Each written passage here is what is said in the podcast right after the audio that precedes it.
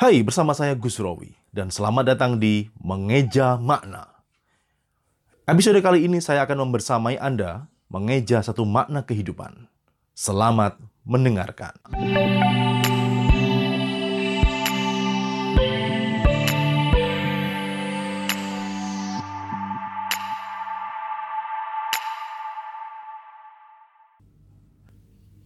Para pembelajar di mana pun Anda berada, ketemu kembali dengan saya, Gus Rowi, dalam episode keempat, Mengeja Makna. Pada episode kali ini saya akan membahas satu topik dari buku Mengeja Makna. Topik tersebut berjudul Kehadiran. Saya akan membacakan dulu, dan nanti seperti biasa saya akan mendiskusikan apa konteks dan apa yang melandasi munculnya ide pikiran mengenai tulisan ini. Kehadiran. Orangnya ada di depan mata. Kata dan bicara bersahutan. Pandangan dan senyuman saling mengembang. Entah kenapa, kesalahpahaman tetap menyapa. Nampaknya kehadiran jasmani tidak diikuti hati, jiwa, dan pikiran. Apa yang dilihat dan didengar tidak selaras dengan apa yang dirasakan dan pikirkan. Asik sendiri dengan topik dan agenda di pikiran, tidak setara dalam fokus dan perhatian. Kehadiran itu totalitas niat, perasaan, dan tindakan untuk fokus dan perhatian, mendukung tercapainya tujuan, baik diri sendiri dan orang lain. Inilah topik tentang kehadiran. Tulisan ini diinspirasi oleh sebuah situasi keadaan yang saya alami sendiri. Ceritanya dalam sebuah pertemuan ada situasi di mana antara orang-orang yang ada dalam pertemuan itu nampaknya begitu akrab, berkomunikasi, saling saut menyaut, dan nampaknya saling bertukar pikiran, saling merespon pembicaraan satu sama lain. Namun setelah saya amati, antara respon yang diberikan oleh si A kepada si B dan sebaliknya, ternyata bukan respon yang saling melengkapi ataupun bukan respon yang ternyata responnya itu tidak saling memberikan respon yang diharapkan. Ketika si A ngomong apa, si B meresponnya dengan respon yang tidak ada hubungannya dengan yang dikatakan oleh si A. Demikian sebaliknya dan terus terjadi sampai sampai 2-3 jam waktu itu. Itu sangat membuat saya berpikir, apa yang difikirkan oleh si A dan si B sehingga mereka bisa saling berkomunikasi.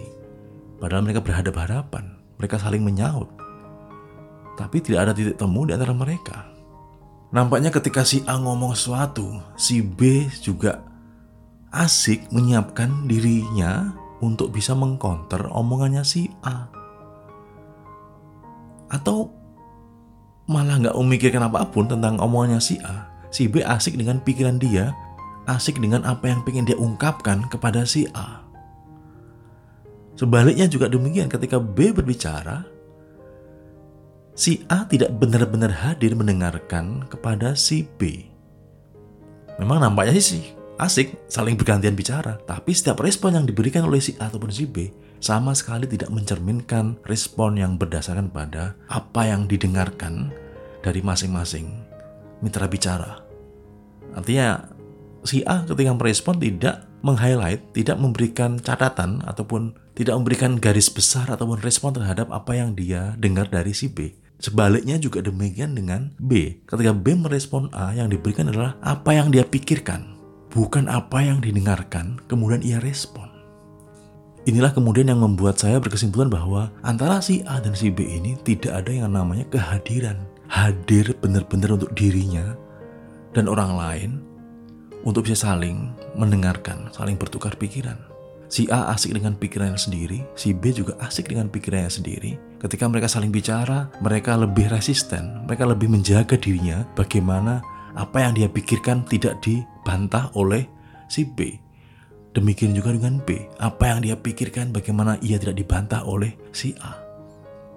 Jadi mereka tuh hanya hadir untuk diri mereka sendiri. Hadir untuk apa yang dia pikirkan. Tapi tidak hadir untuk apa yang orang lain pikirkan. Apa yang orang lain sampaikan. Ketika terjadi komunikasi, ketika terjadi saling barter informasi, saling komunikasi, mereka sama sekali tidak peduli. Karena hanya peduli dengan apa yang ia pikirkan. Hanya peduli dengan apa yang ia ingin sampaikan. Ngeri kan?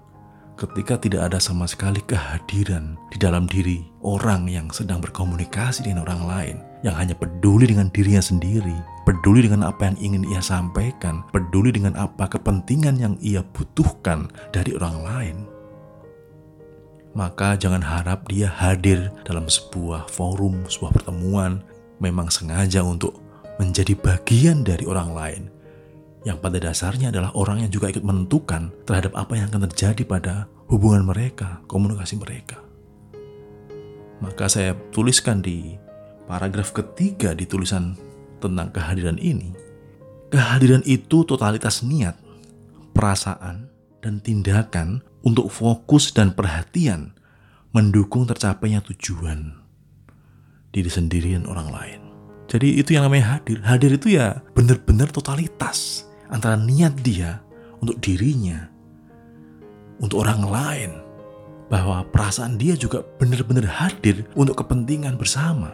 Sehingga tujuan dia, perasaan dia, tindakan dia, fokus dia itu benar-benar ditujukan untuk sesuatu yang pengen membangun hubungan dengan orang yang diajak komunikasi.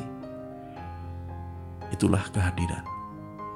Dan Anda bisa merefleksikan pengalaman Anda sendiri selama ini apakah ketika kita berkomunikasi, ketika kita mendatangi suatu atau kita menjadi terlibat dalam sebuah sebuah aktivitas, sebuah kegiatan, sebuah forum, seberapa besar kehadiran kita sebenarnya? Atau kita sebenarnya hanya hadir untuk diri kita sendiri dan tidak peduli dengan orang lain?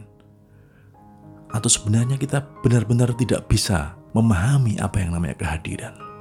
Intinya, jika kita masih merasa kehadiran itu adalah hanya untuk kepentingan diri kita sendiri.